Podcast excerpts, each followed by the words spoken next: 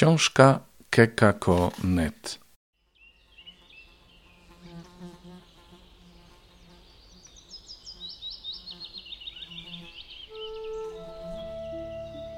Kuba Kornacki Ogrody Bożych Cudów opowieści o interwencji nie z tej ziemi. Z pomocą Aleksandry Jaśniewicz czyta autor.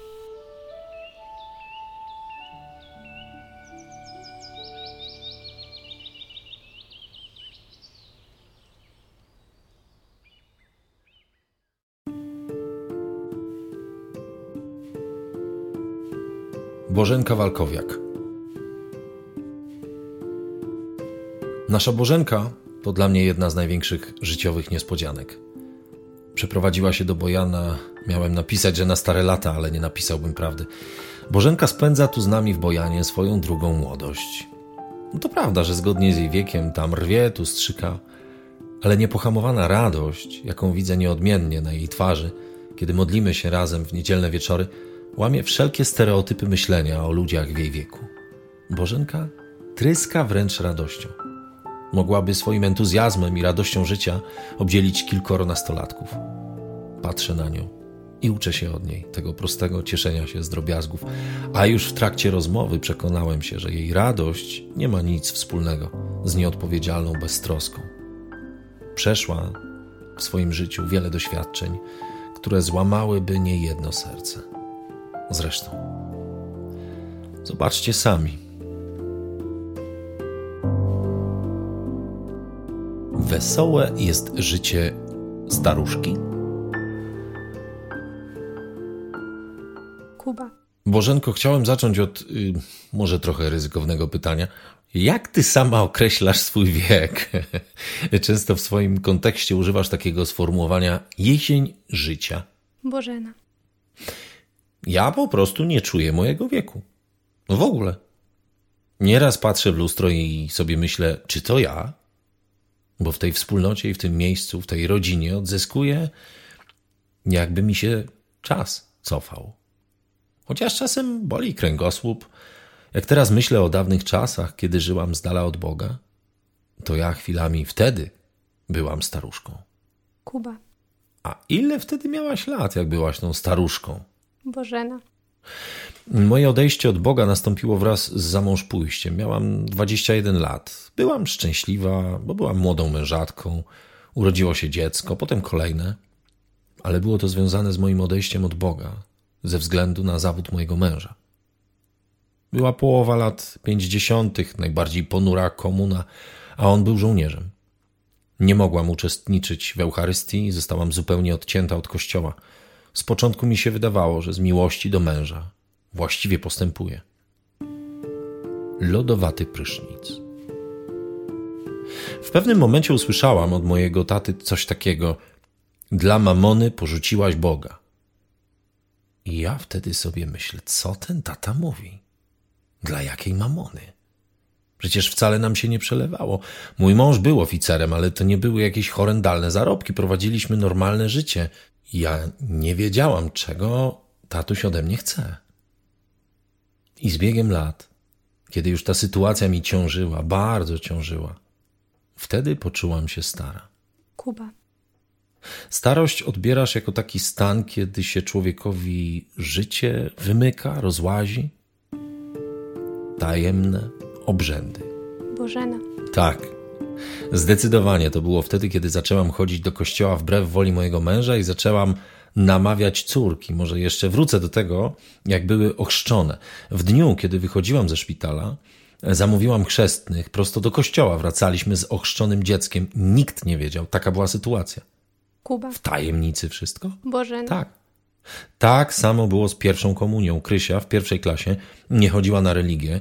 Mój mąż nie pozwolił. Jak skończyła pierwszą klasę, zaczęła płakać i powiedziała, że dzieci się z niej śmieją, bo ona nie chodzi na religię. I wtedy no, stanęłam okoniem mojemu mężowi. Będzie chodzić na religię i przyjmie pierwszą komunię. Najwyżej się może ze mną rozejść. Zgodził się. Pod warunkiem, że jak przystąpi do pierwszej komunii, to dalej nie będzie chodzić na religię.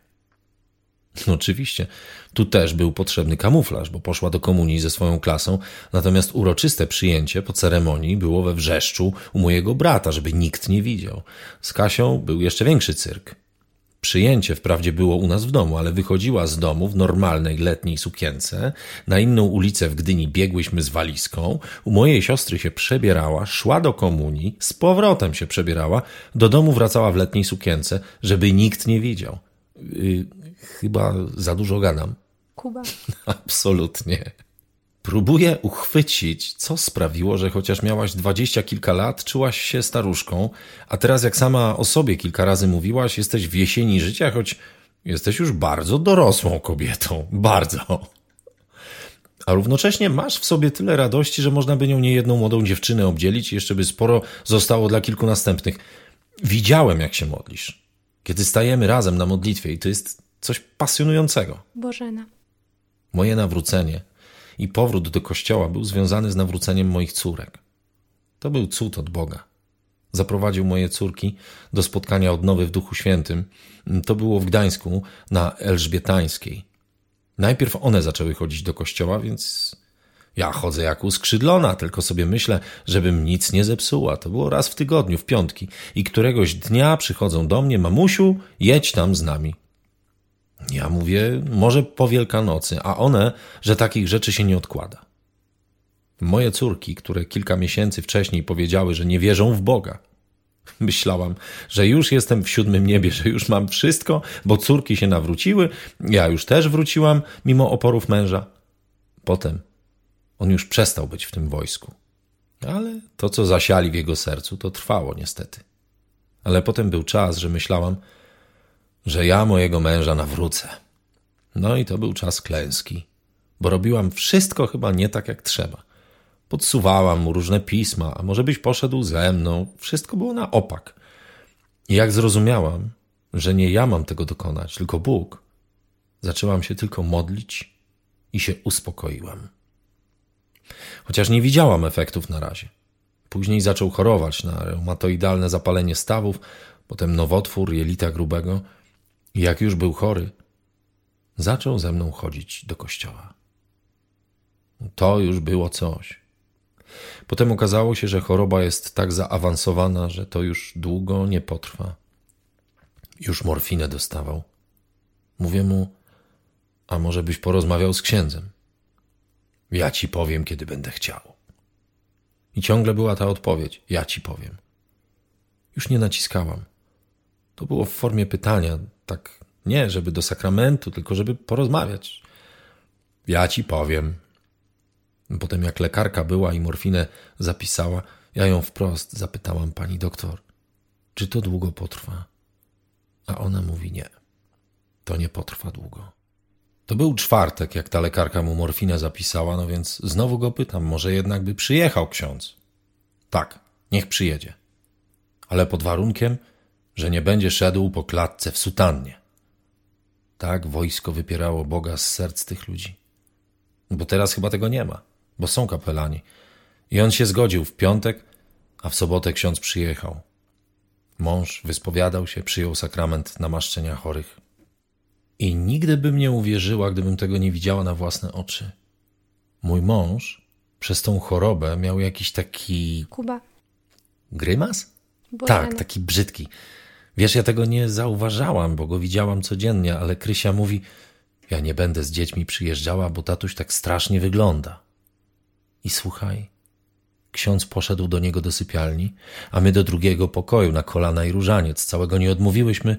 Ksiądz przyszedł i mówi: Możecie już przyjść i razem przyjąć komunię. Słuchaj, jak weszłam do pokoju, w łóżku leżał inny człowiek. To była inna twarz. Gdybym tego sama nie widziała, nie uwierzyłabym, że tak może zmienić się twarz człowieka po spowiedzi. Była sobota, a w czwartek umarł. Kuba. Zdążyłaś go namówić. Bożena. W nas było jedno wielkie dziękczynienie Bogu, wiesz? Wiadomo, był ból rozstania, ale nie było w nas rozpaczy. To był dar dla nas od Boga. I wielkim świadectwem było na pogrzebie, bo przyjechał ten ksiądz, który go wyspowiadał wygłosił słowo na pogrzebie, a było tam wielu oficerów. i rodzin oficerskich. Ci ludzie musieli tego wysłuchać.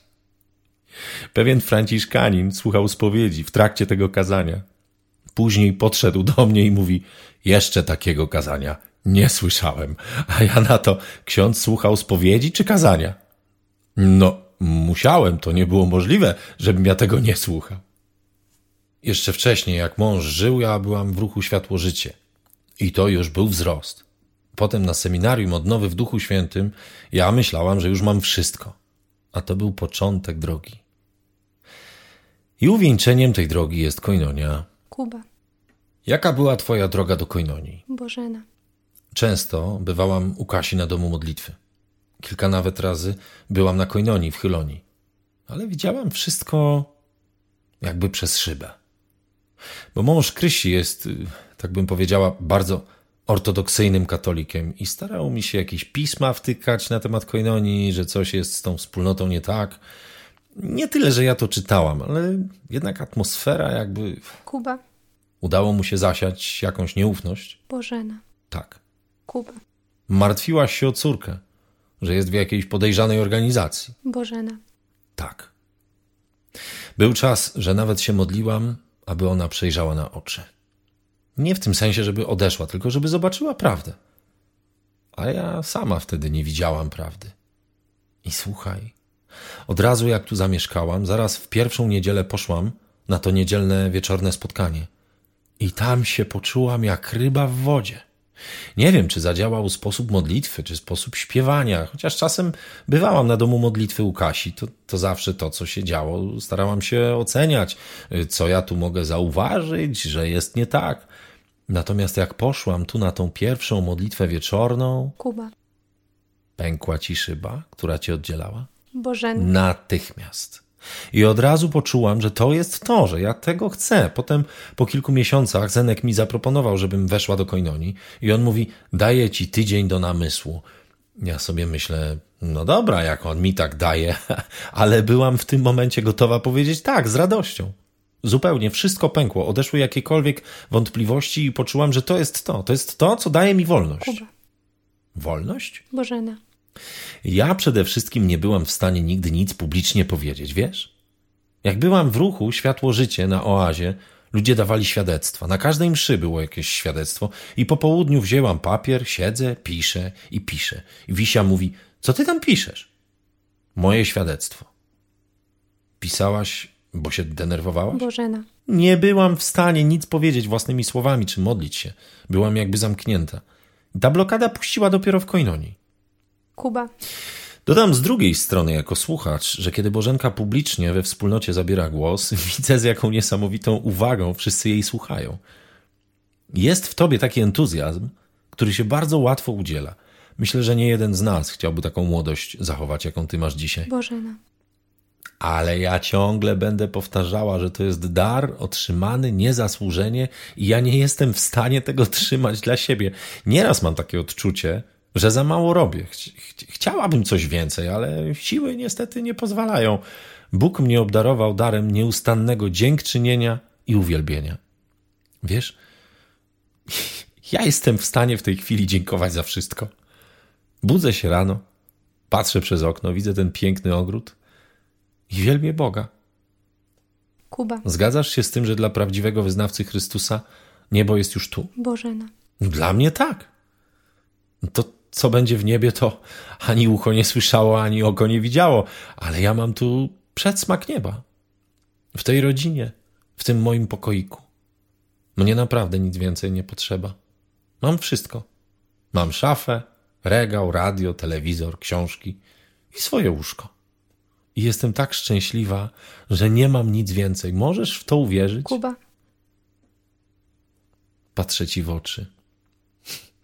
Jeszcze nie mam pomysłu, jak to zrobić w książce, żeby czytelnik też mógł ci spojrzeć w oczy, bo to. Bo to, co w nich jest, to jest skondensowane szczęście. Bożena. No bo jestem szczęśliwa. Kuba. Szczęście. Ono tutaj oblepiło ściany, wisi na firance i wpada przez okno. Jest tu na ścianie przepiękny portret twojej córki Bożena. ze mną. Kuba. I obydwie macie tyle radości na twarzy. Wyglądacie, jakbyście tańczyły tango. A może byś poprowadziła rekolekcje dla seniorów? Zatytułowalibyśmy je Jak cofać się w czasie, jak się czuć młodym, jak wąchać i smakować niebo. Bożena. No, jeśli by to miało być na chwałę Bożą, to z pomocą Ducha Świętego wszystko jest możliwe. Bo moją mocą na pewno nie. Kuba. Ale nie widzę strachu w Twoich oczach. Bożena. Nie. Już się nie boję. Fragment książki Ogrody Bożych Cudów z pomocą Aleksandry Jaśniewicz czytał autor Kuba Kornacki.